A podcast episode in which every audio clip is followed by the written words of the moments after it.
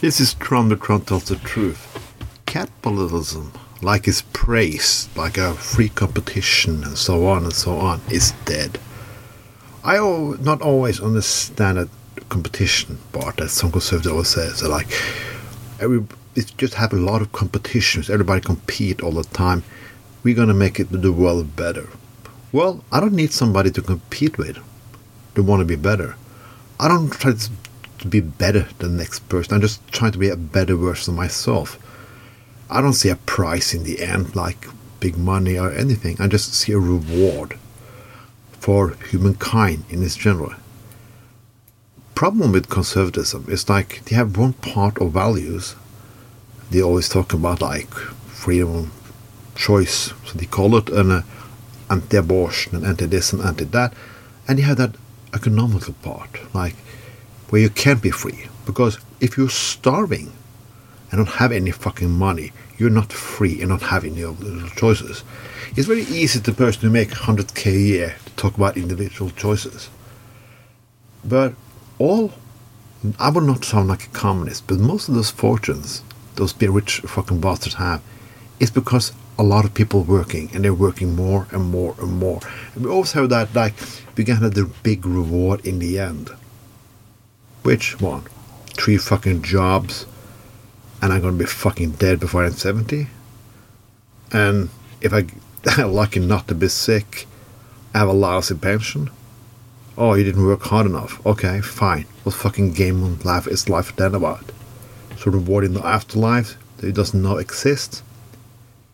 Is always, always, always the general bullshit just to keep people in, in chains, in slavery, because they cannot see people as equals. We always people who want some social security and healthcare, and education, and so on. We always like we are just we're just babies. We just want the big mama state. But what I call conservatives are corporatists.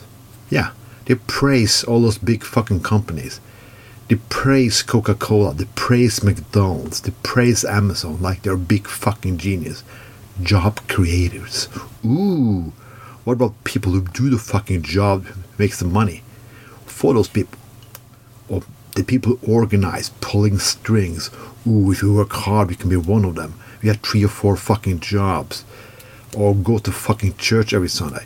Everything is fucking bullshit. The system is fucking rigged and everybody is fucking cheating on us. Now is the end of the fucking game. They cannot pull it hard anymore. So they're starting blaming Mexicans, black people, Jews, and so on. But it's not nothing new. And it's nothing old here. They're not doing it every fucking country there is. Yes. In Brazil they had an election now. The socialist candidate nearly won.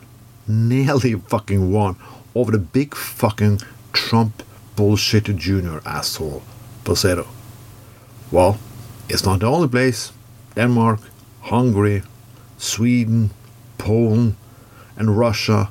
Yeah, we can the list goes on and on and on. And China, yeah, and Japan. We're gonna have a new fucking world war. After the last world war, we learned something. We made institutions like European Union, European Council, the UN, and so on. NATO, for example. Well, I wonder what's going to come out the next one and how many people are going to fucking die if there anything fucking left. Capitalism and conservatism, that combination has come to a fucking end. This is the fucking end game. The problem with their end game, they, they don't try to create something new, something better. They just take the old lesson in desperate need to keep the power. They're gonna fucking kill us all.